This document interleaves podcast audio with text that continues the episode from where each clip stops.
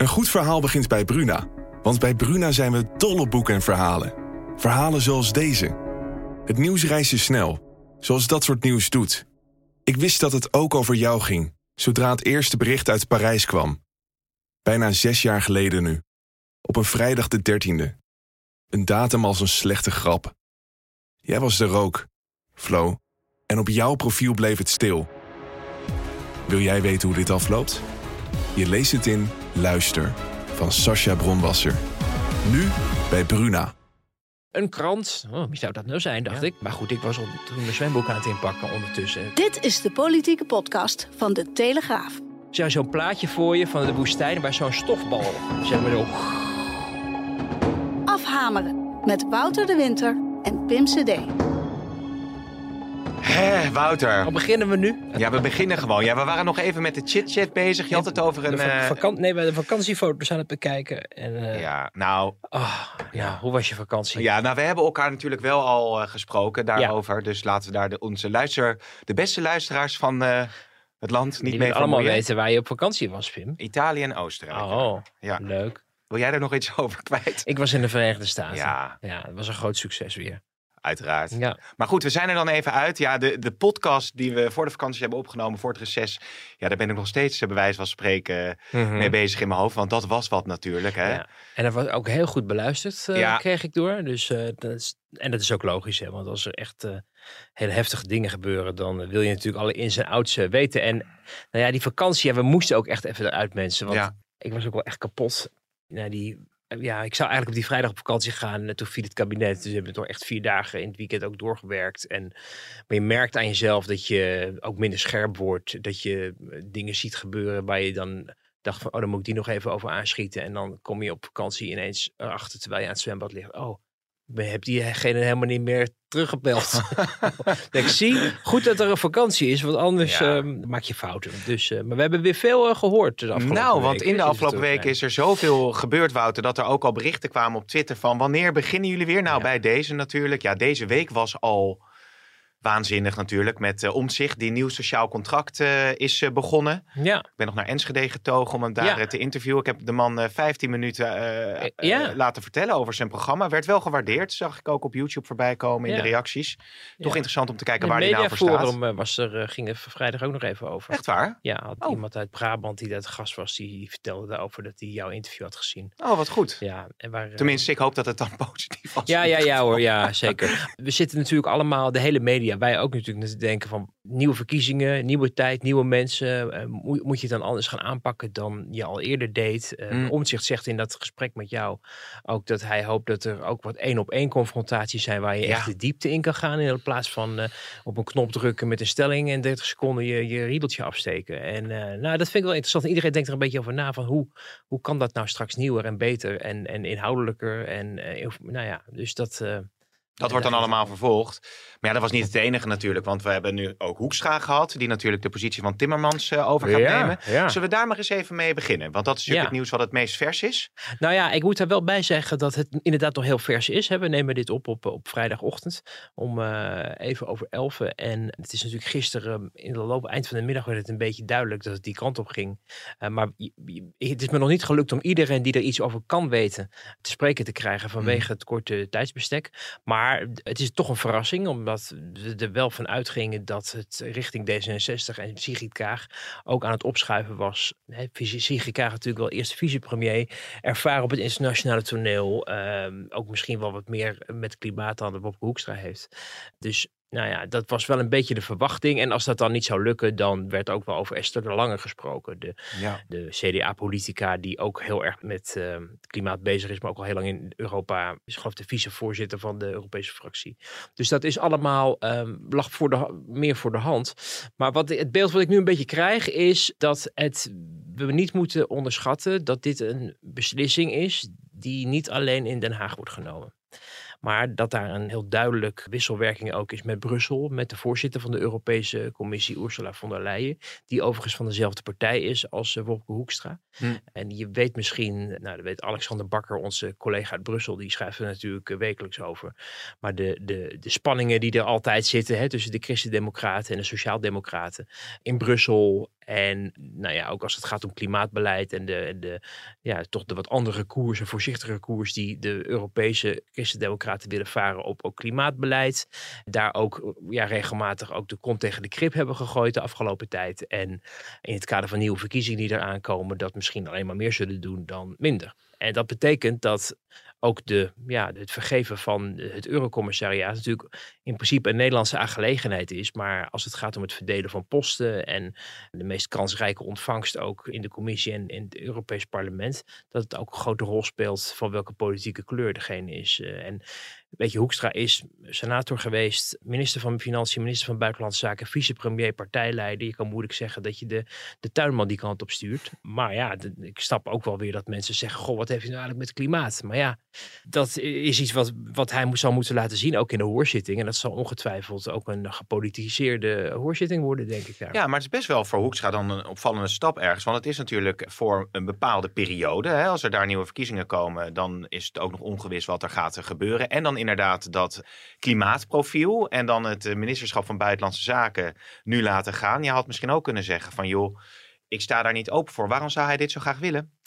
Ja, nou, de tijd in Den Haag leek wel eindig. Hij heeft misschien ook wel een beetje eh, genoeg van Den Haag gekregen uh, na al die jaren. En zeker ook minister van Financiën en minister van Buitenlandse Zaken waren ook toen hij nog niet partijleider was, ging hij er ook, uh, heeft hij me wel eens verteld, vanuit dat hij ook niet meer nog een keer zou terugkomen. Want Hugo de Jonge zou toch zijn nieuwe uh, team vormgeven. CDA stond het natuurlijk niet zo goed voor. Dus het zou best kunnen zijn dat hij dan zou afvallen. Zoals meerdere mensen zijn afgevallen bij het CDA met de overstap van Rutte 3 naar Rutte 4. Dus dat hij toen zijn partij een klem beroep op hem deed om alsnog de partij te gaan leiden, is dat ministerschap dus verlengd. En heeft hij dus voor gekozen om minister van Buitenlandse Zaken uh, te worden. Nou, daar is ook een heleboel gezegd uh, en zeker niet gezwegen over of die keuze verstandig was. Maar dat hij wel ongeveer in Den Haag wel aan het einde zat van mm. uh, ook wat hij zelf had ingeschat, dat mogen duidelijk zijn. Hij vond het heel leuk om minister van Buitenlandse Zaken te zijn. Op het internationale toneel kent hij ook veel mensen. Dus dat zal ook in het Brusselse denk ik ook, ook zeker helpen. Maar het is inderdaad, ja, de portefeuille is niet per se eentje die je onmiddellijk bij hem zou verwachten. Het is natuurlijk wel het laatste jaar hè, van de Europese Commissie. Er komt natuurlijk een nieuwe Europese Commissie na de volgende Europese verkiezingen. En uh, de vraag is natuurlijk, blijft hij langer dan een jaar?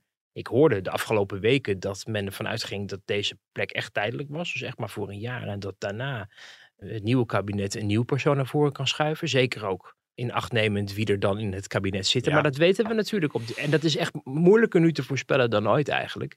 Het is best zo dat als het CDA weer mee gaat doen, dat Hoekstra kan blijven in Brussel.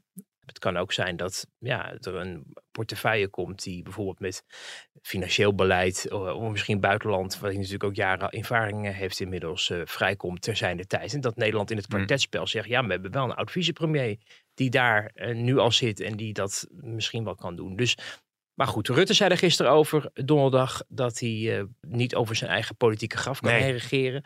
Maar ja, we weten ook niet hoe, hoe lang het duurt voordat er een nieuw kabinet zit. Dus um, het kan elkaar ook allemaal weer gaan kruisen. Maar vooralsnog is het voor een jaar en uh, dan zien we verder. Ja, in ieder geval een, een ervaring voor hem weer op het Europese uh, toneel. zure druiven vanuit D66. Ik zag jou iets reactie geven op een tweet. Was dat van Sofie In het Veld? Ik wil ja, het even opzoeken. Die is natuurlijk geen D66 nee, meer. Hè? Die is daar natuurlijk ook uit ja, die is eh, verrichting Volt, Uitgebronjourd of zelf opgestapt. Ik, op een gegeven moment kan je het ook niet meer bijhouden met, die, uh, met al die innuendo's daar in die club. Maar die begon uh, heel erg duidelijk. Ja, hij is nog helemaal niet de eurocommissaris, want er komt ook nog een hoorzitting en het Europees Parlement. Ik dacht, ach ja, ja, van jou hadden we eigenlijk al afscheid genomen. Maar kijk eens, the last roll of the dice. je ziet het vaker deze dagen. Ook Vera Bergkamp, die zichzelf bij de koning heeft uitgenodigd om verslag te doen van uh, debatten over de val van het kabinet. Had koning niet om gevraagd. Ze heeft zich gewoon zelf uitgenodigd.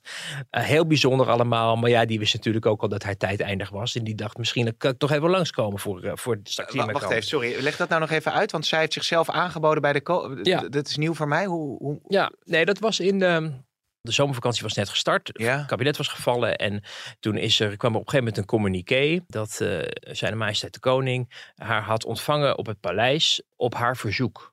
Oh. Dat stond ook echt bij, hè? Zo, zo stout zijn ze dan wel bij die RVD. Dat ze dan stiekem erbij zijn. Op haar verzoek. Ja, dus heb ik even nagebeld. En ja, ze had eh, gemeend dat het uh, belangrijk was dat het staatshoofd geïnformeerd zou worden.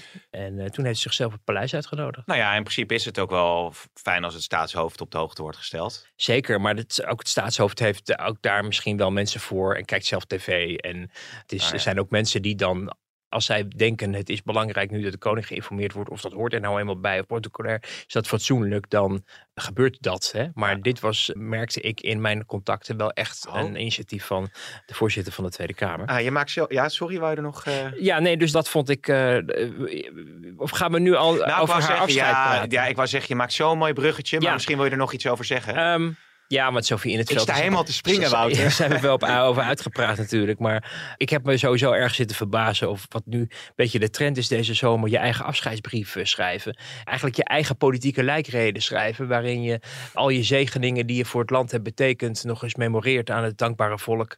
Terwijl heel vaak iedereen zich afvroeg van... Wie is dat? Er gaat weer een of andere backbencher weg met die zegt: Oh, ik heb heel erg lang nagedacht, met mijn gezin overlegd, met een anderhalf jaar bedacht dat ik toch maar stop. Dat je denkt: Nou, nou, nou, nou, drama queen. Lucille Werner ook gestopt. Ja, ja, nou ja, is natuurlijk ook nooit, Liane echt, Den Haan. nooit echt uit de verf gekomen. Liane. Den Haan natuurlijk in er eentje in die kamer. Niederver, Gundogan, dat je denkt, ja, Nou, een g- klassiek geval van zelfoverschatting. Allemaal mensen die zich onmisbaar waanden voor standspolitiek en eh, nu met veel aplomb hun afscheid bekendmaken. Maar ook dus die afscheidsbrief van, eh, van Vera Bergkamp. En Ja. ja, ehm, waar ze dus vertelt over hoe ze al die jaren Kamerlid en hoe wat de voorrecht is, wat ze bereikt heeft. Nu moet ik, moet ik wel zeggen, ze was helemaal geen slecht Kamerlid of zo. Nee. Dat deed ze prima voor haar de portefeuille die ze had, een beetje in de zorghoek. Ging dat goed, kreeg ze ook lof over van vriend en vijand. Dus ze was ook niet iemand die gehaat werd of zo. Of, maar ze heeft zichzelf verkeerd ingeschat. Dat ze dacht dat ze ook een goede voorzitter van de Tweede Ja. Kamer kon zijn. Want ze ontbeerde daar het gezag eh, toe. En het bijzondere daarvan dus, nog even aan die brieven ook terug te komen, was dat je dus dan ziet dat Sjoerd Sjoerdsma had natuurlijk ook zijn afscheid bekendgemaakt. Nou, de enige mensen die daar huilie-huilie over deden van wat erg waren mensen uit de D66-fractie. Want voor de rest er zo'n plaatje voor je van de woestijn waar zo'n stofbal, zeg maar zo... nee. Wouter. Nee, maar dat was het echt. Want die man was helemaal niet geliefd. En ook niet bij zijn collega's. Eh, en- Was toch ook wel een scherp Kamerlid op eh, buitenlandse zaken? Ja, zeker. Maar hè, we hebben de drankrol natuurlijk ook gehad. En zijn positie of zijn gedrag heeft, heeft ja, toch vaak ook mensen tegen de borst gestuurd. En ik zag een tweet toe van Caroline van der Plas voorbij komen. Ik zal eerlijk zijn, zegt Caroline dus in die tweet. Hè. Ik zal Sjoerd als Kamerlid totaal niet missen. Had niks met hem als Kamerlid en niks met zijn vingerwijzende moral high horse politiek. Als persoon wens ik hem en zijn gezin het allerbeste en veel geluk in de ja, verdere ja, ja. toekomst. Nou, dat is wel een burn, heet dat geloof ik, van heb ik jou daar. Maar er was dus ook weer, Caroline liet zich ook weer niet opbetuigen toen Vera Bergkamp dus die brief had gestuurd. Want toen had ze, maar iedereen dus, eh, nou niet, ook weer niet iedereen, maar inderdaad heel veel lof uit D66-hoek. Een paar mensen van GroenLinks, zag Corinne Ellemeet en nog een eh, backbencher van eh, GroenLinks, die zich, uh, geloof het, over haar eh, hadden uitgelaten. En dan vooral ook wel over de periode dat ze Kamerlid was en niet zozeer als voorzitter. En Caroline van der Plas, die rijdt eroverheen. En die zegt, onvermijdelijk besluit, Vera. Veel succes in je verdere werkzaam en persoonlijke leven. En dan nog wat aardige dingen over hoe ze op zich Ja. wel prima contact hadden. Maar een onvermijdelijk besluit. En dat is het natuurlijk ook wel. Want iedereen zag dat dat voorzitterschap gewoon niet... Dat ze daar niet meer ja, Oh, de ja. handen van op elkaar eh, kregen in de Kamer. Hè? En dat je dus ook merkte dat ook zelfs de VVD... die uiteindelijk aan de overwinning heeft geholpen. Hè? Dat Rutte destijds met Kaag een telefoontje had. Kaag zei, wij willen wel... Vera Bergkamp naar voren eh, schuiven. En Rutte dacht, nou ja, dit is gratis eh, steun. Want we wilden toch wel Khadija Ariep af. Dus Hm. dit is een mooie investering in een nieuwe coalitie. Als de VVD de D66-kandidaat eh, steunt. Dus zo is dat destijds gegaan. Maar daar hebben ze bij de VVD heel veel spijt van gehad. Toen ze zagen hoe op een gegeven moment zelfs het, het kabinet wegliep uit, uit de Ja. vergaderzaal van de Tweede Kamer. Dat is toch eigenlijk echt een dieptepunt geweest van de afgelopen twintig jaar. Hè? Dat een kabinet zelf besluit, terwijl ze te gast zijn in de Kamer. Dus het parlement letterlijk de rug toekeren en weglopen Ja, dat omdat er een Kamerlid is wat idiote dingen roept. Namelijk Thierry Baudet. Maar dat de voorzitter niet bij machten is. En ook niet de rest van de fractievoorzitters. Om dan de orde te bewaken. Of hun peer, hè, hun, hun ambtsgenoten. Om het maar even in, uh, in uh, Baudet taal te zeggen. Weten te corrigeren. De mond weten te snoeren op een beschaafde manier. Of hem van repliek te dienen. Hm. En dat ministers en staatssecretarissen. En het ging dan vooral over een uithanden. Sigrid. Ja. Verdachtmaking aan de rest. Spionnen ja, eh, in, eh, Oxford geloof ik. Of ja, van was. dit pik ik niet meer en nu is het genoeg geweest. En ik, ik, Ja. eh, dat was, was echt een dieptepunt. En daar heeft een hele- een heleboel Kamerleden zijn er ook boos over geworden later tegen Bergkamp. Maar ja, je hebt natuurlijk ook nog de kwestie met Ariep. Hè? Ariep Ja. natuurlijk eh, begin augustus bij zomergasten gezegd. Ik acht haar nog steeds verantwoordelijk. En ik weet nog steeds niet eh, wat mij wordt aangerekend, wie er heeft geklaagd. Dus ik heb een advocaat in de arm genomen. En Vera Bergkamp in haar afscheid nu van donderdag zegt... ik heb al eind juli al het partijbestuur laten weten. Waarom je dat dan nu pas bekend maakt is natuurlijk een tweede. Dat vraag je dan af. Maar zij claimt, ook door dit zo nadrukkelijk te vermelden... dat zij haar besluit niet heeft laten beïnvloeden door... Eva Khadija Ariep die nog een keer met de vingers naar haar wees. Maar de werkelijkheid is gewoon dat het voorzitterschap gewoon niet bij haar paste. Dat ze onvoldoende gezag had. Want als je anderhalf jaar voorzitter bent en je hebt het goed gedaan... je partij zet je echt in de top vijf. Want je bent een stemmenkanon in principe. Want je voorzitter Ja. is bekend en kan eh, stemmen binnenhalen ook voor een partij. Dus je kostje is echt wel gekocht. En anderhalf jaar is wel heel kort om voorzitter te zijn. Dus die heeft gewoon de eer aan zichzelf gehouden, gezien dat het niet meer ging. Dat zag je niet terug in die afscheidsbrief. Daar was het een grote. eh, het is allemaal eh, eervol geweest en ik heb zoveel bereikt. Maar goed, dat, dat zie je in deze tijd vaker gebeuren. En ik hoorde ook tijdens mijn vakantie veel mensen ook die mij er dan een beetje op aanspreken, omdat je dan in Den Haag werkt. Van god, het is wel een leegloop daar, hè? Veel mensen vertrekken. En dat is inderdaad wel het geval. Maar het is niet ongebruikelijk dat mensen vertrekken na tien jaar Kamerlidmaatschap. Eh, dat gebeurt wel vaker. Alleen nu valt op omdat er zoveel bekende, prominente Kamerleden ook zijn. Of het nou een ex-quizmaster is bij het CDA, Luciel Werner, of, of heet je dan quizmeesteres? Dat weet ik eigenlijk niet. Nou, dat klinkt het heel Dat anders. zie ik ja. haar ook wel zijn. Ja, of, of ja, de hele top van de coalitie natuurlijk, van de VVD, Ja. CDA en D66 die vertrekken. Weet je nog eh, dat eh, debat met eh, Gideon van Meijeren en Gundogan, dat geloof ik van Meijeren complotmarmot werd genoemd. En dat Gideon van Meijeren ongeveer op de positie van Bergkamp stond en met haar het gesprek aanging. ja. Het was één grote Ja. rotzooi was dat toen. Dat liep Ja. echt helemaal uit de hand. Ik denk uiteindelijk was het toch gewoon te lief voor het. Een hele amabele vrouw is Het het. is een hele vriendelijke vrouw, maar die zich onvoldoende realiseert dat dat. Kijk, het was natuurlijk ook niet makkelijk, hè, met 20, 21 fracties of zo inmiddels nu. Simons erbij ook nog natuurlijk, die ook eh, vertrekt. Ja, ja, maar het is heel moeilijk om dan het goed te doen en er zal altijd kritiek zijn. Maar goed, ze had een valse start vanwege hè, die benoeming en het handjeklap tussen eh, Rutte en Kaag eh, destijds. Maar ook ja, toch onvoldoende in staat om met natuurlijk gezag te zeggen. En, en ik, weet je, ze had natuurlijk heel duidelijk ook toen met dat kabinet kunnen zeggen. ehm, en, en, en Baudet.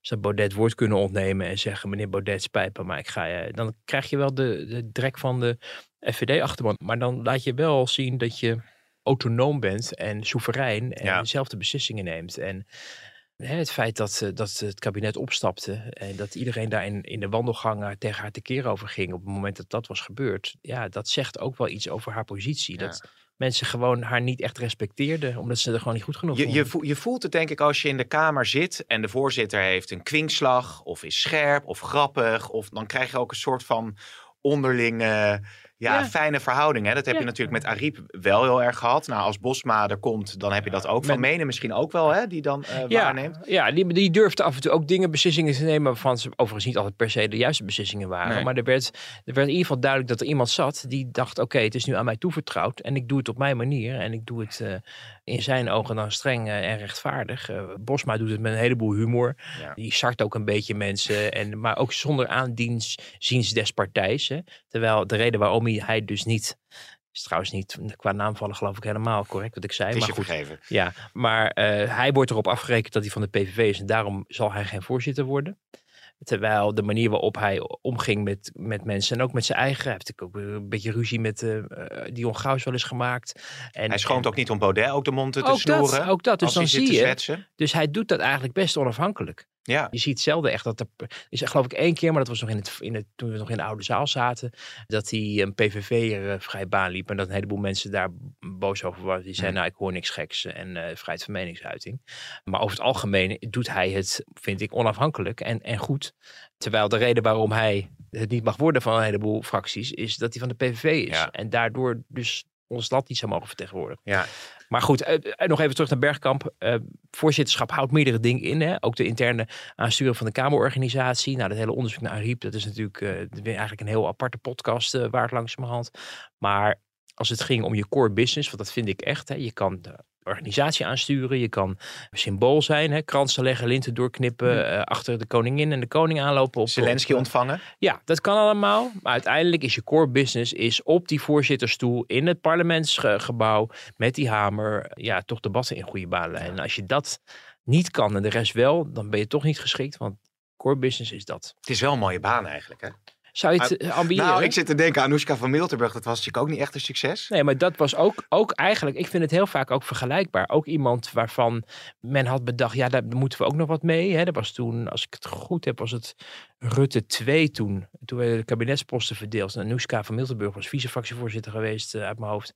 En uh, daar, die kwam niet in het kabinet, want daar had men bedacht, die moest maar voorzitter worden. Ja. Waarmee gewoon de, de baantjes werden verdeeld. En uh, nou, dat was wel een persoonlijkheid, maar ook een beetje een chaot. Ja. En een beetje hysterisch af en toe. Zagen we ook. En als Emotioneel. hij, emotioneel de vergaderzaal verliet, omdat de integriteit werd aangetast. en ik hoop nu dat de Kamer iemand gaat uitzoeken die natuurlijk gezag bezit. En die niet is omdat mensen dachten, oh ja, wij zijn nu aan de beurt of zo. Want dat is Nee. ook wel eens een motivatie geweest eh, de afgelopen tijd. Maar, maar denk eens helemaal out of the box, hè? Want je hebt natuurlijk, eh, eh, nou, de, de, de geëikte naam die er voorbij komen van der Staaij, heeft natuurlijk vaak over gehad, maar die heeft natuurlijk een kleine fractie, dus heeft in het verleden al aangegeven dat hij dat allemaal niet bij kan gaat hij wel weg ook, maar dat is ook nog niet helemaal duidelijk. Als we helemaal, het kan, moet allemaal nog verdeeld worden, kunnen er allemaal weinig over zeggen, maar denk je van, nou, daar zit een Kamerlid, die is wat ervaren, wat meer senior, dat zou toch wel, wel, wel fantastisch zijn als die dat, die hamer... Nou, fantastisch. Ik denk wel dat iemand het ambieert, maar het zal erg afhangen van de verkiezingsuitslag. Want dat kun je nog niet zeggen. Nee, nee, omdat, ja, nou ja, nee, dat, dat, ehm, ik, nee, ik ga, dat, ik ga dat nog niet doen. Maar ik weet, denk iemand uit het linkse blok die het wel ambieert. Oh. En die al een tijdje eh, ook wel eh, zich een beetje zo wil gedragen. Maar het zal heel erg afhangen van of bijvoorbeeld als het linkse blok de grootste wordt, is het niet voor de hand liggend in deze samenstelling, in deze politieke tijd, dat diegene dan ook op de voorzittersplekken Ja. terechtkomt. Want als je echt een goede voorzitter hebt, dan ben je ook meteen van dat gedoe af met de politiek heeft het alleen maar over zichzelf en dat soort dingen. Dan kun je natuurlijk echt een beetje verfrissen. Maar goed. Ja, nou, iedere voorzitter bepaalt zelf hè, waar hij of zij zich op wil laten gelden. Ja. Eh, Frans Wijsgras was iemand die ook heel vaak wel bereid was om te zeggen wat hij vond van zaken. Ook over het aanzien van de Kamer en zo en dat soort dingen. Nou, Gerry Verbeet, die was uit zichzelf, had hij voldoende gezag. Eh Gediche Ariep heeft het ook op moeten bouwen. Iedereen doet het een beetje op zijn manier. Het is niet zo als je, als je echt een, een mening en een persoonlijkheid hebt, dat je daarmee ook alles voor je gewonnen hebt. Maar het helpt wel. Want Nee. mensen willen toch kijken toch naar de politiek. En die vinden het ook wel fijn als de voorzitter op een gegeven moment zegt: Wat is het hier voor kleuterklas? Gaat u zitten? Ik weet nog hoe, Ja. hoe, hoe Gerry Verbeet zegt: Nou, nee. Meneer, meneer, meneer Brinkman, gaat u zitten? Gaat u zitten? Nou, en dat, dan Ja. dacht ik: dus niet de schoolmeester wordt boos. Eh, ga maar zitten, Brinkman. Uitstekend. Dus, ja, Ja, er zijn weer allerlei bruggetjes die we eh, kunnen slaan. Maar eh, je had het net al even over die linkse samenwerking. Ja, dan moeten we toch. Omzicht komt aan bod. Maar dan moeten we toch eerst even over Frans Timmermans praten. Want hij is natuurlijk met een overweldigende meerderheid gekozen tot lijsttrekker van PvdA GroenLinks. En deze week sprak hij zijn achterban toe. Fijn dat jullie allemaal zo mooi gestemd hebben. Ik ben er heel erg trots op, op de uitslag. Weer niet goed voor dat enorme ego van mij, maar eh, het geeft wel een enorm mandaat om te doen wat we moeten doen in de komende maanden. En dat is toch echt dit land weer op de rails zetten. Kijk, ik heb het natuurlijk vanaf mijn vakantieadres met spanning gevolgd. Wat, eh, hoe onverwacht de, de troonsbestijging van eh, Frans Timmermans was. Hè. Want, oh, oh, oh, ik geloof dat hij het nog tegen jou riep toen jij hem achterna zat, ook in de Kamer. Toen hij van der Plas. eh, ja, dat is niet aan de orde dat hij terugkwam. Terwijl we weten dat hij al maanden bezig was met de voorbereiding. En dat ook aan, aan vertrouwelingen ook wel liet, liet ja, doorschemeren, liet blijken. Dus het is wel een man van theater. En eh, dat zag je ook wel bij die presentatie afgelopen week. Waarin je mm, hem met wat kwinkslagen en over zijn ego. En dat is dan wel goed. Hè? En ik moet je wel zeggen, inhoud, daar komen we nog over te spreken, denk ik. Want daar weten we niet zoveel van. Laten we wel wezen. We weten nog niet wat nou precies de koers wordt van de gezamenlijke fractie. Maar als het gaat om presentatie en, en persoonlijkheid, waar in deze tijd toch wel erg naar verlangd wordt. Mensen die toch een beetje een eigen willetje hebben en laten zien van eh, dit is wat ik ongeveer ben en take it or leave it. Ja. Eh, ja, dan, dan staat er wel iemand. Het is natuurlijk een ervaren politicus hè, die, die ook al jaren in de Kamer heeft gezeten, in de PvdA-fractie heeft meegedraaid, in het kabinet heeft meegedraaid, nu natuurlijk de afgelopen jaren in Brussel en echt wel wat kan. Of hij die talenten aanzet om de juiste koers te varen is een tweede. En waar je al de eerste uitglijer natuurlijk zag is rond dat wachtgeld. Hè, waar je dan wel recht op kan hebben. Maar je gaat zelf weg. Je hebt een mooie baan in Brussel. Die heeft het kabinet met veel pijn en moeite voor je ook uitonderhandeld.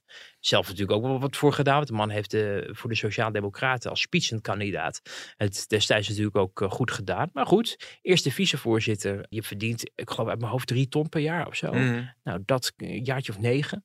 Dan drie maanden niet kunnen overbruggen op het moment dat je ehm, zelf zegt dat je weg wil en premier wil worden.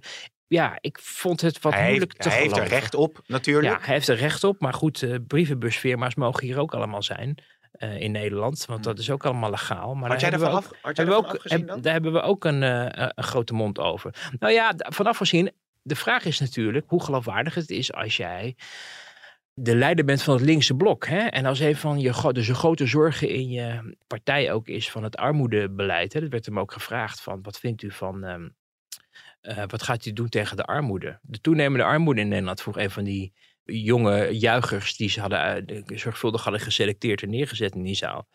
En daar kwam er wat onsamenhangend verhaal over van ja, nul uren contracten. En verder moeten we heel goed kijken waar de armoede vandaan komt. Ik denk, oh, daar heeft hij nog niet echt heel erg goede inzichten over. Hmm. Terwijl er in juni toch een heel rapport is verschenen van het CPB. Met allemaal denkrichtingen over hoe je daar wat aan kan gaan doen. Die zich overigens vooral richten op toeschuiven van geld via de verschillende toeslagen. Maar het, het, ik dacht wel bij mezelf van als jij eh, ja, op een gegeven moment, als je lang in die bestuurlijke wereld verkeert, dan is de kans eh, best groot dat je de aansluiting met de mensen waar je ooit toe behoorde en die op het schild hebben gehezen, dat je die in de loop der jaren verliest. Want je zit daar in je gebouw in, het, eh, in Brussel, je rijdt in een gepantserde auto, eh, iedereen houdt de deur voor je open, je bent een hele belangrijk iemand. Eens in de maand geef je een, een interview aan, aan de NOS als een soort het gesprek met de eurocommissaris weg. En dat vind je dan qua je te laten gelden voor in de publiciteit voor je land ook wel weer genoeg. Dus je gaat toch een beetje in je eigen eh, wereld van ehm, succes en status leven. En dan is de vraag of als je dan terugkomt om het land te redden, net als Sigrid Kaag dat eigenlijk kwam, die kwam terug naar Nederland om hier ook heel verstandige dingen te doen. Nou ja, dat, dat is ook niet helemaal goed bevallen, om verschillende redenen overigens. Maar dat het lastig is, zeker voor als mensen weg zijn gegaan en terugkomen of helemaal nieuw op het toneel verschijnen, om dan eh, ja, te overleven ook in de, de politieke actualiteit van 2023. Een voorbeeld ook Edith Schippers bijvoorbeeld. Hè, voor de VVD natuurlijk ook, hebben wij ook wel gedacht van nou, die kan eens Rutte gaan opvolgen. Hmm. Hè, dan zit ze vast in die partijtop, is ze leider van de senaatsfractie. En ze stond daar in die debatten en je merkte gewoon dat tegen, zelfs tegen Klaver en de Kuiken het gewoon best moeilijk was om overeind te blijven. En dat Rutte haar zelfs hielp in dat, dat eh, met z'n Ja, vieren nee, zeker, bij, ja. eh, bij, eh, bij Jeroen Pauw. Dat dat toch wel een beetje een ontmaskering was. Niet omdat ze slecht is of zo, of het niet van begrijpt, maar omdat de, de hè, rap van de tongriem, de juiste toon aanslaan, feeling krijgen met het electoraat, ineens ook door een verwijdering van een paar jaar, geen vanzelfsprekendheid is. En ik ben dus heel benieuwd de komende tijd. Weet je, we hebben dat met dat wachtgeld nu. Ik denk, ja, weet je, met zo'n baan, je zou ook kunnen zeggen, natuurlijk zie ik er vanaf. Want ik heb over drie maanden heb ik, ben ik Kamerlid. En dan, En dan heeft hij geen inkomen drie maanden lang. Ja, en, en bovendien, weet je, dat Kamerlidmaatschap, dat, dat verdient ook goed. Maar dat is ook fors minder dan het Eurocommissariaat. Ja, zeker. Dus dan Ja. bij, dat je wel bij jezelf denkt van, goh, zou je nou zo aan de bedelstaf zitten? Maar goed, dat was dan weer de, het huis in, in eh, Brussel wat hij huurt. Nou, het zal allemaal wel. Nou Ehm, ja, volgens mij wil jij ook zeggen van het is een kwetsbaarheid. Hè? Dat als je eh, uiteindelijk in eh, verkiezingsdebatten terechtkomt en je gaat de confrontatie aan met Omtzigt, met Van der Plas, met noem het maar, dan is dat wel een punt waar natuurlijk dat sowieso. SP, waar natuurlijk mensen een beetje je graag uh, op dat gaan sowieso, zitten. Dat sowieso. En zeker inderdaad vanuit de SP, die sowieso een beetje geïrriteerd raken dat het nu de discussie over armoedebeleid gaat. En de ene naar de andere partij dat aan het omarmen is. het CDA doet het nu ook. Om zich natuurlijk met zijn bestaanszekerheid. Vroeger heeft trouwens de PvdA, Lodewijk als je dat op punt ook regelmatig gemaakt. Maar toen sloeg het niet erg aan. En dat heeft de SP, daar zijn ze ongeveer voor opgericht. Om daar over aan de bel te trekken. En die zien nu dat er met hun agenda. En nu is het ineens wel belangrijk. En denken ze, ja, dan, dan uh, doe je nu alsof jullie het licht hebben gezien. Terwijl wij het al die tijd natuurlijk al hebben uh, geroepen. Dus dat is geen automatische gezelligheid in dat linkse blok tussen SP en, en die rood-groene combinatie. Maar reken maar dat als je, ik snap ook niet waarom hij het niet gewoon heeft gezegd. Ik, bedoel, ik snap wel dat, dat je er niet onmiddellijk bij stilstaat. Maar je kan wel op een gegeven moment, als er commotie over ontstaat, denk ja, die drie maanden. Laat ook PvdA GroenLinks anders iets overbruggen voeren of zo. Je kunt ook uh, andersom zeggen, ja, die drie maanden is dan, ja, waar gaat het verder over? Ja, nou ja, omdat mensen toch je moet mensen wel verleiden om naar de stembus te gaan. En zeker als het gaat om wie komt nou echt op voor mijn, wie kan zich nou echt invoelen in mijn situatie. Wie vecht nou echt voor mijn. Als het gaat om de portemonnee, heb ik het over. Wie vecht nou echt voor mijn, voor mijn belangen? Wie is dan het meest geloofwaardig? En de vraag is of Timmermans dat dan is, of dat andere mensen, bijvoorbeeld bij de SP of bij Omtzigt of wie dan ook, uh, daar een geloofwaardige verhaal uh, over hebben. Ook omdat Timmermans natuurlijk, en dat zag je ook in die presentatie van de afgelopen week, maar dat deed hij natuurlijk ook als eurocommissaris. En het is ook het DNA van GroenLinks, dat het eigenlijk wel heel erg veel over klimaat gaat. Ja. Ook in de rood-groene beweging, terwijl de rood-groene beweging uh, toch voor de helft uit de PvdA bestaat, die, die veel meer over bestaanszekerheid zou willen praten ja. met mensen. Ja, Opvallend. Overigens zei Timmermans wel meteen bestaanszekerheid. Hè? We hadden dat interview met Omtzigt nog niet uh, gehad. En uh, Timmermans noemde ook nadrukkelijk dat woord. Nou, bestaanszekerheid uh, is minstens even belangrijk. maar die twee zijn onlosmakelijk met elkaar verbonden. We kunnen klimaatbeleid alleen maar, draagvlak voor klimaatbeleid alleen maar krijgen als mensen zich veilig voelen in hun bestaanszekerheid. Dus één kan niet zonder het ander. Klein uitstapje naar Jette, want dat is inderdaad wel aardig dat Jette is, is heel nadrukkelijk met dat klimaat bezig. Die wil dat dat niet controversieel wordt gemaakt. Ja. Nou, die is natuurlijk nu op, op social media al uh, als lijsttrekker heel actief. Maar die zit echt vol op dat uh, klimaat. Is misschien ook wel een kwetsbaarheid als de verkiezingen misschien juist over die bestaanszekerheid gaan voor D66. Hoe groot is die ja. achterban? Nou ja, het kan ook over meerdere dingen gaan natuurlijk. Ik denk dat migratie ook nog Ja, wel een ding uh, kan worden. Gek genoeg hoor je eigenlijk niemand meer over stikstof praten. Terwijl dat was toch het grote probleem en moeilijk moeilijk. Omdat eigenlijk iedereen weet dat ja, eigenlijk geen kant meer op kan. Dus dan ga je daar maar liever over zwijgen tijdens een campagne. Om dan na de verkiezingen weer met verschrikkelijke dingen aan te komen zetten. Dat zien we nu eigenlijk al een beetje aankomen natuurlijk. Maar ja, voor Jette, wie is de grootste klimaatvechter? Nou ja, hij heeft natuurlijk wel mee dat hij, ik geloof, mede dankzij ons uh, het plakkaat de klimaatdrammer. Hè, dat was toen, uh, we hebben ooit uh, opgeschreven dat D60 nog aan het drammen was. Toen heeft Klaas Dijkhoff dat overgenomen in het interview wat we met hem hadden toen. Over dat het maar eens afgelopen moest zijn met dat gedram van Jette. En nou ja, zo is dat een eigen leven geleid. Is die klimaatdrammen shirts laten maken. Nou, wel heel goed. Maar de vraag is natuurlijk van ja, is dat de reden waarom mensen massaal naar de stembus zullen rennen voor D66? Dat deden ze misschien de vorige periode ook wel enigszins. Maar dat ging ook vooral met de belofte van het nieuwe leiderschap. Het idee dat een vrouw minister-president kon worden. En dat zou Sigrid Kagen uh, dan moeten zijn. En uh, nou ja, die heeft uiteindelijk wel goede verkiezingen gedaan. Maar bij afstand niet zoveel zetels gehaald als, als Mark Rutte. Dus daar zag je al een beetje het verval van het was een belofte. Nou, vervolgens die, die lange formatie, ellende, goed regeerkaart voor D66 uitonderhandeld. Maar eigenlijk alleen maar zagerijn en, en MeToo-kwesties. En dat leiderschap kwam uiteindelijk mm. niet goed uit de verf. En Jette moet nu de scherven opruimen met een partij die ook veel nieuwe mensen zal kennen noodgedwongen ook veel mensen zal zien vertrekken. Want als je van 24 naar 8 zetels gaat in de Kamer. Oh, je neemt vast een schot voor de boeg. Ik zou echt op dit moment een wonder moeten gebeuren dat Jet uh, de 24 houdt. Hmm. Ik denk niet dat ze daar zelf ook rekening mee houden. Want dat was toen al een historisch hoge uitslag. En ze hebben niet echt per se iets om zich nu mee te onderscheiden. Zoals ze dat met Kaag natuurlijk wel hadden bij de vorige campagne. Dus dat wordt heel ingewikkeld. Heel moeilijk campagne voeren ook. Omdat ja, D66 had het ongeveer het regeerakkoord geschreven. Maar dat ligt na een anderhalf jaar nu weer in de prullenbak. Ja. En um, nou ja, die partij ook wel een lastige reputatie heeft opgebouwd inmiddels voor zichzelf. Jette denk ik niet de hele erfenis met zich meedraagt automatisch. Want die, hij is wel charismatisch en een slimme man en een goed minister ook geweest, denk ik. Je kan niet eens met zijn beleid, maar ik denk wel dat het iemand is die capabel was voor die plek. Nou ja, dat zal dus best ingewikkeld worden voor hem, toch om een tussen het geweld van PvdA GroenLinks, Gus natuurlijk ter rechterzijde, die volgens mij ook uh, hoge potentie heeft als het gaat om het toch aantrekken van kiezers. Volt natuurlijk is er nog, die ook graag een uh, partijtje mee willen. De Partij voor de Dieren doet het al jaren steeds beter. Ja. Uh, zit toch allemaal een beetje in dezelfde vijver te vissen. En de vraag is, lukt het Jette om buiten die vijver ook nog kiezers binnen te halen? Ja. Ja. En dat lijkt mij eh, heel lastig. Dus, um, Wordt een enorme opgave voor Jette. Overigens is het weer een beetje uh, pijs en vreed tussen uh, Kaag en Rutte. Even tussendoor. Want, want, want wij zijn natuurlijk met die, die laatste podcast. was er een bang van heb ja, ik met jou daar. Dat ging over het mes in de rug. Wat uh, gestoken was van Rutte. Dat was op, ma op dinsdag de podcast. Op maandag ja, maandag was het gebeurd. Dinsdag, ja. Donderdag ging ik naar Kaag die haar vertrek aankondigde. Nou, ik mocht net, ik, ik vroeg haar, goh, welk rapportcijfer geeft u zelf eigenlijk? Nou, dat vond ze allemaal waardeloze vragen en toen keek ze meteen van me weg. Hele goede vraag. Kon ik haar niet meer, uh, ik kon haar maar één vraag stellen. En vrijdag was Rutte natuurlijk met dat legendarische moment dat hij alle, een toerist vroeg of die dan met hem op de foto wilde. Was allemaal, allemaal hartstikke vrolijk, maar toen ik zei van hoe, hoe reflecteert u eigenlijk op die uh, situatie? Ja. Geen commentaar. Ja. Nou ja, dan, dan, dat weet je wel wat, hoe laat het is. En hij heeft toen in die persconferentie, zag ik, want ik was toen, uh, zat zelf in het vliegtuig toen, maar uh, die persconferentie heeft hij toen ook nog gezegd dat hij er van alles van vindt. Ja. Maar er niks over gaat zeggen. Nou, dat, dat zijn in Rutte, maar ook parlementair taalgebruik zijn dat hele veelzeggende mededelingen. Ze waren bij de VVD en Rutte zelf ook woedend over het scenario wat zich leek te ontvouwen. Namelijk een onmiddellijke geforceerde verwijdering uit een torentje. Even los van hoe gepast dat is voor iemand die 13 jaar, of je het nou eens mag of niet, maar wel 13 jaar premier is geweest, langzittende premier.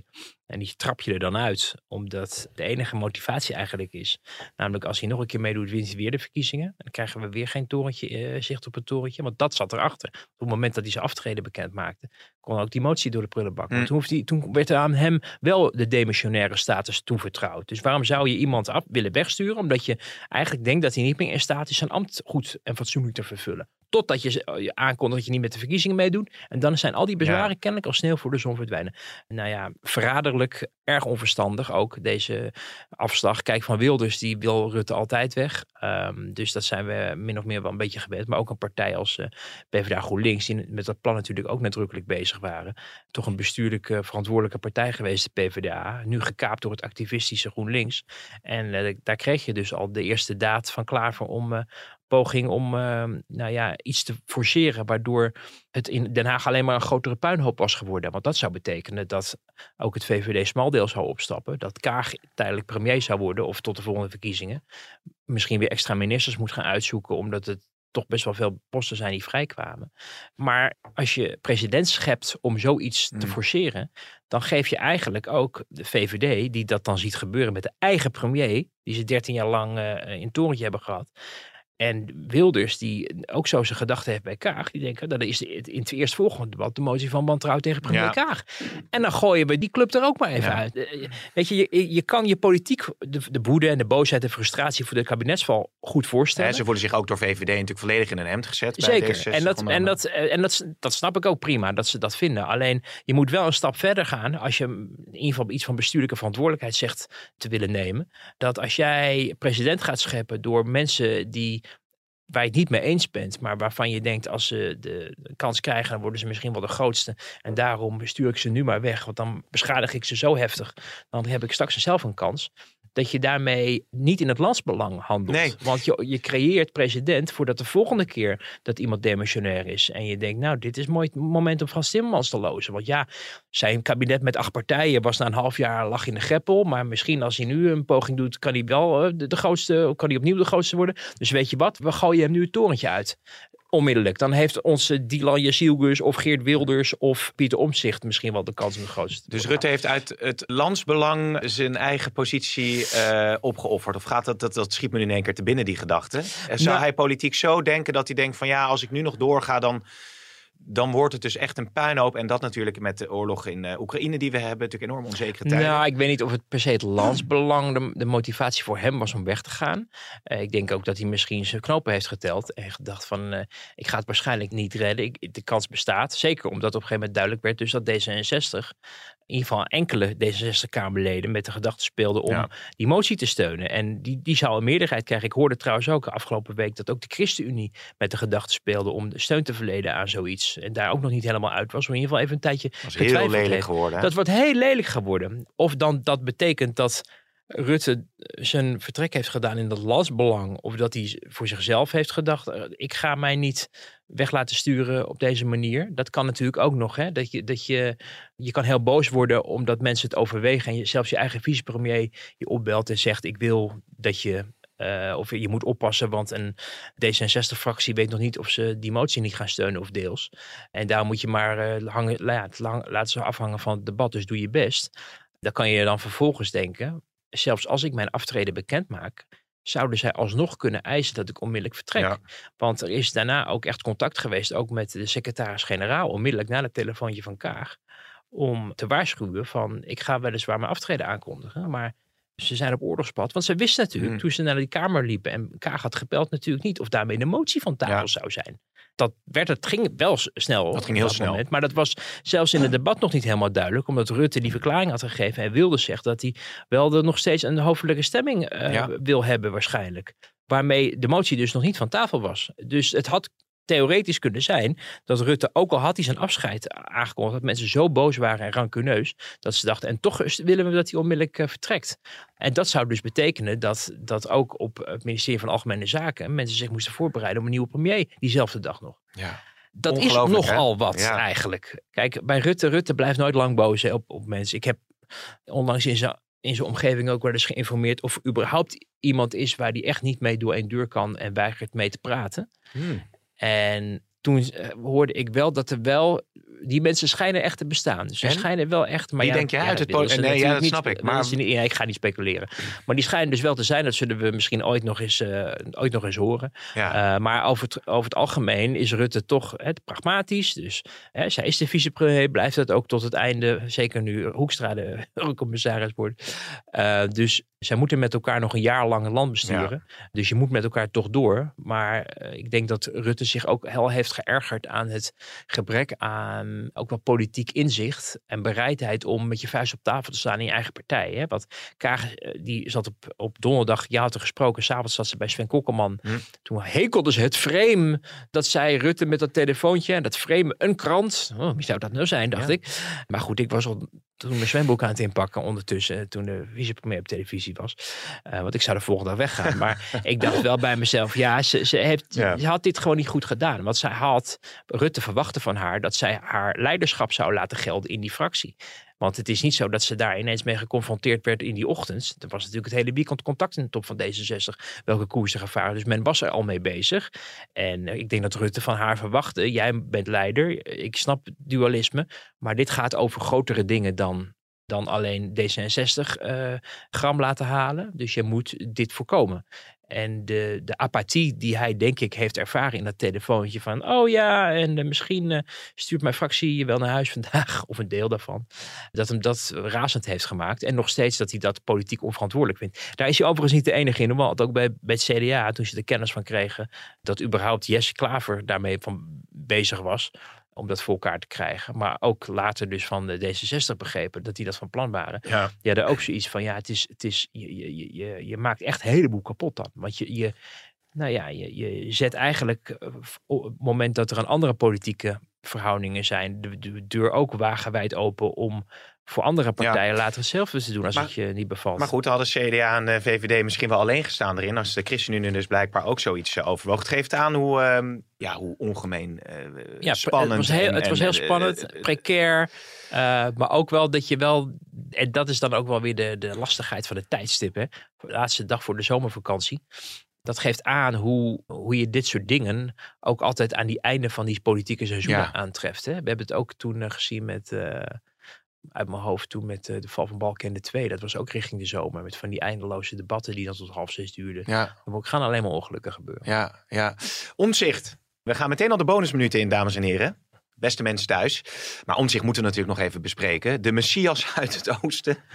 Ja. daar vind jij wel wat van, hè? Nou, ik had in mijn column eh, geschreven dinsdag, maandag online, afgelopen maandag, dat geen politicus heilige verklaring past. En we hebben het hier natuurlijk al vaker over gehad, ook over omzicht. Volgens mij zijn wij een van de weinige eh, media die af en toe ook nog een kritische noot durfde uh, uh, ja, te kraken over hem. Ook in de tijd dat het bij het CDA allemaal niet, niet goed ging. Ik heb Sam Hagens van de SBS 6 ook wel eens bij VI iets erover horen vertellen. Mhm.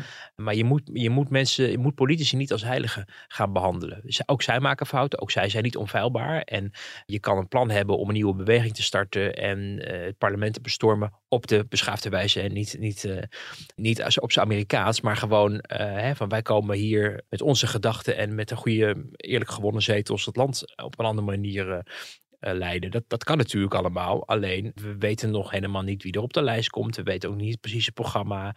Dat zijn toch wel vrij essentiële dingen. We weten ook niet hoe hij als partijleider is. Daar heb je in als het gaat om samenwerking, echt van mensen die hem echt goed gezind waren, ook op hem hadden gestemd met de leiderverkiezing, omdat ze Hugo de Jonge bijvoorbeeld niet pruimden. Maar wel in twijfel hadden of hij daar de juiste man op de juiste plek is, of dat hij juist veel beter is in Ja. zijn volksvertegenwoordigende werk. Hij had van de week had hij weer dat mooie verhaal over eh, de accijnsen. Ja. Weet je, nou ja, dat is vintage omzicht. Dat je denkt, waarom kon die 149 Kamerleden, collega's van hem, dat niet doen? 2,5 euro, hè? 2,50 Ja, euro. maar- Maar, eh, maar hoe, ja. hoe, weet je, dus die man is bezig met een partij op te richten. En die heeft ook nog even, wat Ja. even de vinger op de zere plek gelegd. Ja. Nou, ik, dat, dat is zijn talent. Ja. En je mag best je afvragen van, goh, zal hij als partijleider überhaupt dat talent nog goed kunnen uiten? Of is hij dan veel te druk met functioneringsgesprekken? Ja, Uh, of dus gaat dat, hij dat uitbesteden? maar je ziet die heilige verklaring is een beetje in de mode geraakt de afgelopen jaren. Ineens staat er iemand op en dan denken, en nu loopt omzicht natuurlijk al een tijdje mee, maar mensen denken van ja, die omzicht die durft tenminste wel de waarheid te zeggen. En dus hoppakee, met z'n allen daar op. Net als Caroline van der Plas natuurlijk. Hè? Leuk experiment. Ja, we weten eigenlijk niet precies waar ze voor staat, maar het is een leuke vrouw en dus is tegen Rutte, hoppakee. En eh, zij staat een andere politiek voor. We hebben het met Sigrid Kaag natuurlijk ook gezien. We mochten niets kritisch over Sigrid Kaag vragen, want het was vrouwenhaat. Maar uiteindelijk bleek ze geen goede partijleider en geen goede minister van Financiën. Uitstekend diplomaten. Ik denk ook als minister van Buitenlandse Zaken dat ze daar op zich op haar plek ook zat. Heel kort natuurlijk geweest vanwege die ehm, Afghanistan-kwestie. Maar mensen beoordelen op hun capaciteiten zonder dat je automatisch vervalt in denkt van nou, maar dit is de belofte. En dit is een beetje in de mode geraakt dat bij elke verkiezing er zoiets ontstaat van nou, dan zetten we al onze al onze fiches op het vakje van nu. Ja. En dan kijken we wel. En eh, ja, en dan moeten we maar zien wat, hoe dat er over een half jaar Nou ja, ziet. wat ik interessant vond als het bijvoorbeeld over klimaat gaat, dat de analyses van omzicht, en dat zie je dus ook in de reacties, die zijn scherp. Hè? Dan gaat het over de klimaatlobby, eh, over de subsidies voor de Tesla, over het, het stroomnet. Is dat eigenlijk wel goed voorbereid? Daarvan kun je alleen maar zeggen van ja, die analyses, kloppen. die kloppen. ja. Maar dan vraag je natuurlijk af van, nou god, eh, hoe gaat doen? klimaatbeleid van Ja. omzicht eruit zien? En Ja. daar is hij dan nog mee bezig. Toen zei hij ook in het interview van, of dat zei hij later tegen mij, van nou, als je echt dat soort vragen hebt, dan moet je op dit moment nog bij Jette, Timmermans of misschien ook Jezilgus terecht. Hè, want die is, eh, heeft ook natuurlijk in de klimaathoek eh, gezeten. Ja. Dus dat is nog niet helemaal uitgewerkt. Nee, en, en dat geldt net zoals voor Henri Bontebal van het CDA, die over klimaat er weer wel een heleboel Ja. weet. Want dat was een specialist. Ja, maar als je hem iets vraagt over wat ga je nou eigenlijk met migratie doen, of wat vind je van stikstofbeleid, dan gaat dat onder jouw leiderschap dan anders. Dan is het ineens ja, toch wel even bijschakelen en ingewikkeld. En dat is ook niet zo erg, want iemand begint net. En Omtzigt die is heel goed natuurlijk geweest in, met de toeslagenaffaire in financieel, Ja. financiële hoek. Maar weet over andere dingen misschien ook wat minder. Omdat hij daar gewoon ja, zich niet zo in heeft verdiept. Dus dat kan allemaal groeien. Maar ja, het, het, het is zonneklaar dat dat ook nog een partij is die in de kinderschoenen staat.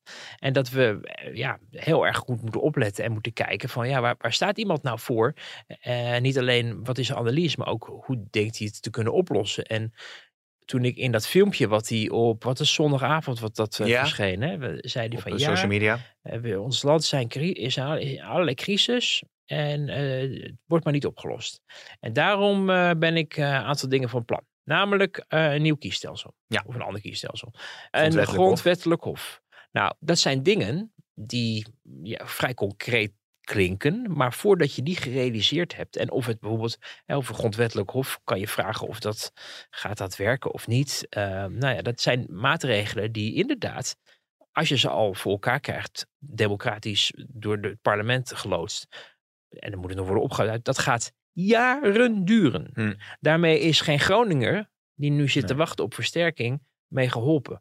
Daar zijn ook de mensen in de toeslagenaffaire niet met terugwerkende kracht mee geholpen. Later wel als ze iets zouden eh, meemaken wat hen weer in zo'n ellende zou storten. Want dan zou je kunnen zeggen, hé, hey, er, worden hier, er wordt hier een wet gehandhaafd door de Belastingdienst die fraude weer aanpakt, die, die ons in de verdiening eh, helpt. Kortom, ik vraag me af, maar goed, dat zullen we zien, of de, de geboden oplossingen altijd onmiddellijk effect sorteren. Daar gaat veel tijd overheen. Of mensen, kiezers, het in deze tijd het geduld hebben Hmm. om daar ook op te wachten. Dat vraag ik me af, want veel mensen verwachten ook dat de hele toeslagenaffaire nu was afgewikkeld. En dat is ook nog niet gebeurd. Je moet wel ergens beginnen natuurlijk. Tuurlijk, wat Omtzigt ook zegt is van als je praat over een eh, nieuwe eh, bestuurscultuur, Ja. dan kun je het veranderen met andere poppetjes, met, met andere woorden.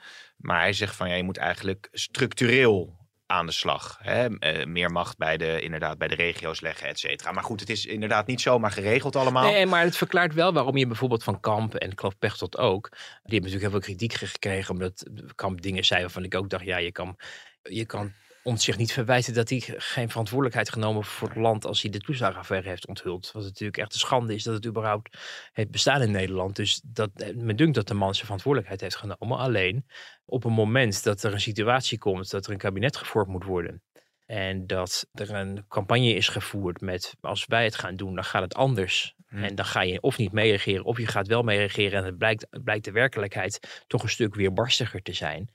En dat is denk ik ook wat je wel een beetje mag verwachten. Er zitten natuurlijk goede ideeën en goede denkrichtingen in. En sommige systemen, eh, netwerkcorruptie hebben ze dan heel snel over. Die, die lijken ook niet te veranderen, omdat met roelen, ja, je komt elkaar altijd weer tegen. En niemand durft echt in te grijpen, het roer om te gooien. En allemaal tot je dienst. Maar het is ook niet zo dat eh, een kabinet wat over bakken met geld eh, beschikte, het dit demissionaire kabinet, met grote steun in de bevolking om problemen ook echt aan te pakken en, en stappen te zetten. En ook dus ondersteund weet door een Kamermeerderheid, waarin zowel VVD als D66 ook zetels hadden gewonnen. Dus op zich met een behoorlijk mandaat aan de slag kunnen. Dat die voor zichzelf hebben bedacht, nou weet je wat, we gaan nog maar eens even op onze handen zitten als Ja. het gaat om het oplossen van de problemen in Groningen. Groningen zijn natuurlijk wel heel voortvarend aan de slag geweest. Ook met Velbrief. Daar is echt wel een... eh, Met ja, vuilbrief is daar wat eh, in de pers- verpersoonlijking van de ommekeer geweest. Maar het is nog steeds niet zo niet- dat nee. het daarmee eh het dat leed is allemaal gestut zijn daar. Precies, en Ja. er waren ook de hè, ze wilden, ik weet niet hoeveel miljard. Nou, dat hebben ze niet gekregen. Hm. Dus nou ja, het idee dat op het moment dat er een, een nieuwe ploeg zit, automatisch ook binnen een hele korte termijn de problemen zijn opgelost. Ja, ik denk niet dat dat zo is. En ik Nee. ben dus bang dat op het moment dat die mensen dat wel verwachten, omdat ze op een belofte stemmen in plaats van op iets wat, eh, ik bedoel, om zich zou het wel willen, maar die kan het ook niet. Die moet het, hij roept ook op om het samen met mensen te doen. Hè? Van, u moet ook meehelpen en eh, steunen. En je haalt je enorm veel op de hals omdat je mensen het idee krijgen van als hij er zit gaat het goed komen. En hij geeft zelf al aan van jongens rustig aan. Ja. En ik denk dat dat op zich een heel verstandig signaal is. Omdat je zal merken dat als uh, Omtzigt uh, het goed doet bij de verkiezingen. Wat ik op dit moment wel verwacht. Dat dat niet zal betekenen dat op de dag dat de verkiezingen voorbij zijn. Uh, de wind uit het noorden gaat waaien in plaats van uit het westen Ja. of zo. Ja, het is inderdaad nog een afweging of hij dan in alle oosten in kiezers... dit geval, Ja, maar- precies. Of hij in alle kiesdistricten mee gaat doen. Hè. Het is tegenwoordig hip om te zeggen, ik wil niet per se meer de grootste zijn.